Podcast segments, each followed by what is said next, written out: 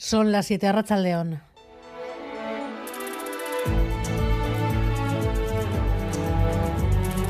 Gambara con Arancha García. 52.000 trabajadores pendientes de un posible acuerdo en el metal de Vizcaya. Meses de conflicto parecen haber entrado en vías de solución.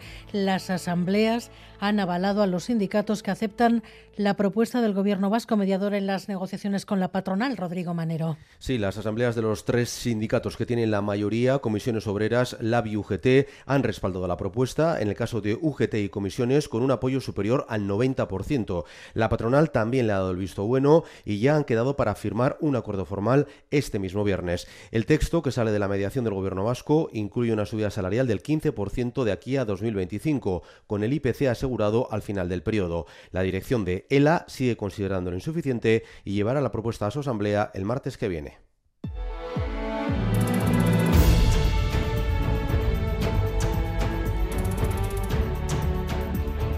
Entre tanto, los beneficios del BBVA, 6.420 millones, récord absoluto, un 38% más que el año anterior, reabren un nuevo frente entre el gobierno Sánchez y los bancos. Después del impuesto a la banca que aún estudian recurrir, la ministra Yolanda Díaz propone poner tope a las hipotecas y el presidente del Bilbao Vizcaya lo compara con algo parecido al acoso político. Congelemos también las cuotas hipotecarias desde que se ha propiciado la subida del el Euribor en nuestro país y de los tipos de interés, que esto es imposible de soportar. Por tanto, les pido hoy aquí a las entidades financieras de mi país que sí, que den un paso adelante. La historia está repleta de ejemplos de economías y sociedades que abandonaron la iniciativa privada y, empresarial con resultados catastróficos el que la empresa tenga un objetivo de hacer inversiones rentables es esencial para que la economía funcione en una sociedad como la que tenemos en todo el mundo occidental. Y hoy los partidos de la oposición se han posicionado sobre la reforma fiscal adelantada ayer por los partidos de gobierno, por PNV y PSE, están abiertos al debate, aunque sospechan del momento a cuatro meses de las elecciones. Enseguida les cuento las conclusiones del nuestro EITB Data sobre la presión fiscal en Euskadi. Ya les adelanto, uno de cada cinco euros del PIB se destina a pagar impuestos. Con esas acciones.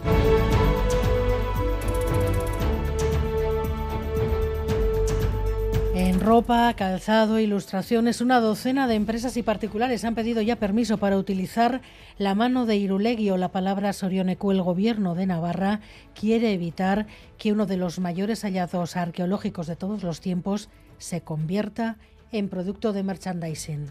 Con esas acciones lo que se pretende no es que la exclusividad recaiga en el gobierno, sino precisamente defender el libre uso de la representación y denominación de la mano de Irulegui y Irulegui Coescúa por su importancia como hallazgo arqueológico, etnográfico, patrimonial y cultural. Primer día de huelga, además de médicos en Navarra, según Osasun ha parado el 10% y en Arangoa.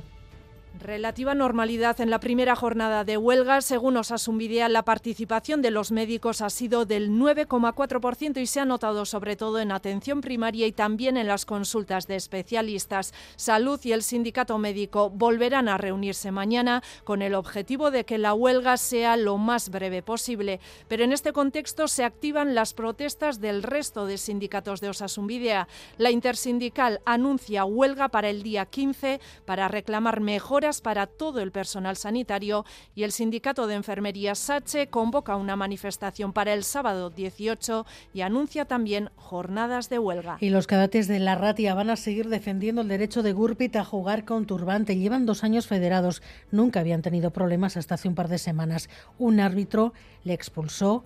Ellos se fueron del campo con él. Amaya Zabala, has estado con todos esta tarde en Igorre, Racha León. Racha León, sí, así es. Gurpit tiene 15 años, es jugador de la Ratia KDTC en Igorre y así nos contaba lo ocurrido el pasado 21 de enero en el campo del Padura en Arrigorriaga. Entro, juego unos dos minutitos, me viene el árbitro, o sea, para el juego después de dos minutos y me dice, tengo que quitar el patka, que es el pañuelo que llevo, y si quiero jugar tengo que quitármelo, si no, no puedo jugar. A pesar de las explicaciones del entrenador y del resto de los jugadores, el árbitro decidió que no podía jugar con un gorro porque así lo exige el reglamento, por lo que los jugadores abandonaron el partido y la Federación Vizcaína les ha sancionado con 300 euros y tres puntos en la liga. Además, en carreteras en estos momentos problemas en la A8 en Bilbao, sentido Galdacao. Un camión y un turismo están obstaculizando uno de los carriles. Hay retenciones y los deportes. Yago Barostegui, Rachaldeón. Caixo Rachaldeón esta misma tarde ha sido presentado en Gasteiz como nuevo jugador del Deportivo Ala despedido por el Atlético hasta el final de temporada, Sier Villalibre. Además, el equipo rojiblanco ha confirmado a mediodía que ejerce su opción para hacerse con el pase definitivo de Ander Herrera, que será jugador de la plantilla bilbaína hasta junio del año 2024. Estaba cedido por el Paris Saint-Germain. En la Liga Femenina a las 9 la Real visita el campo del Real Madrid para jugar un partido que fue aplazado en su día y en balonmano Vidaso ha fichado al pivote serbio Marco Jetic.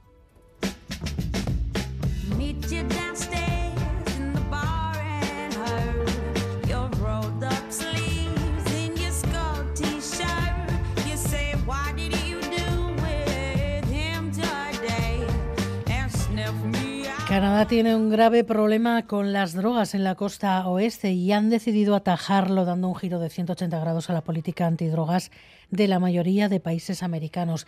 Allí la simple tenencia de drogas te lleva al banquillo, pues ahora en una de esas provincias van a probar a despenalizar la tenencia de todas las drogas, también las drogas duras, una pionera medida en el continente. Xavier Madariaga.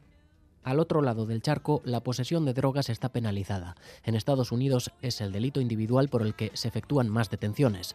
Parece que hay quienes han visto que no es la mejor vía. En la costa oeste canadiense está el epicentro de la crisis de muertes por sobredosis que golpea a Canadá. En los últimos seis años, más de 11.000 personas han perdido allí la vida por opioides. La toxicidad de las drogas es la principal causa de muerte no natural allí.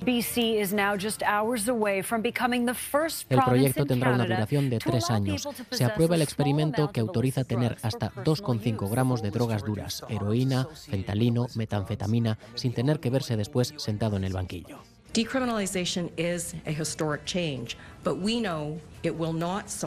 La ministra de Sanidad canadiense está convencida de que van a atajar el estigma al que hacen frente quienes consumen drogas, para así ayudar a que accedan a programas de apoyo y salvar vidas.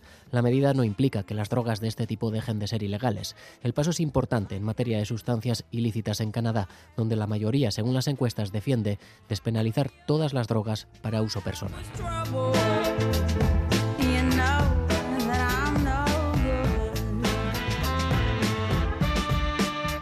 Alberto Subelda y Miguel Ortiz están en la dirección técnica, Cristina Vázquez en la producción.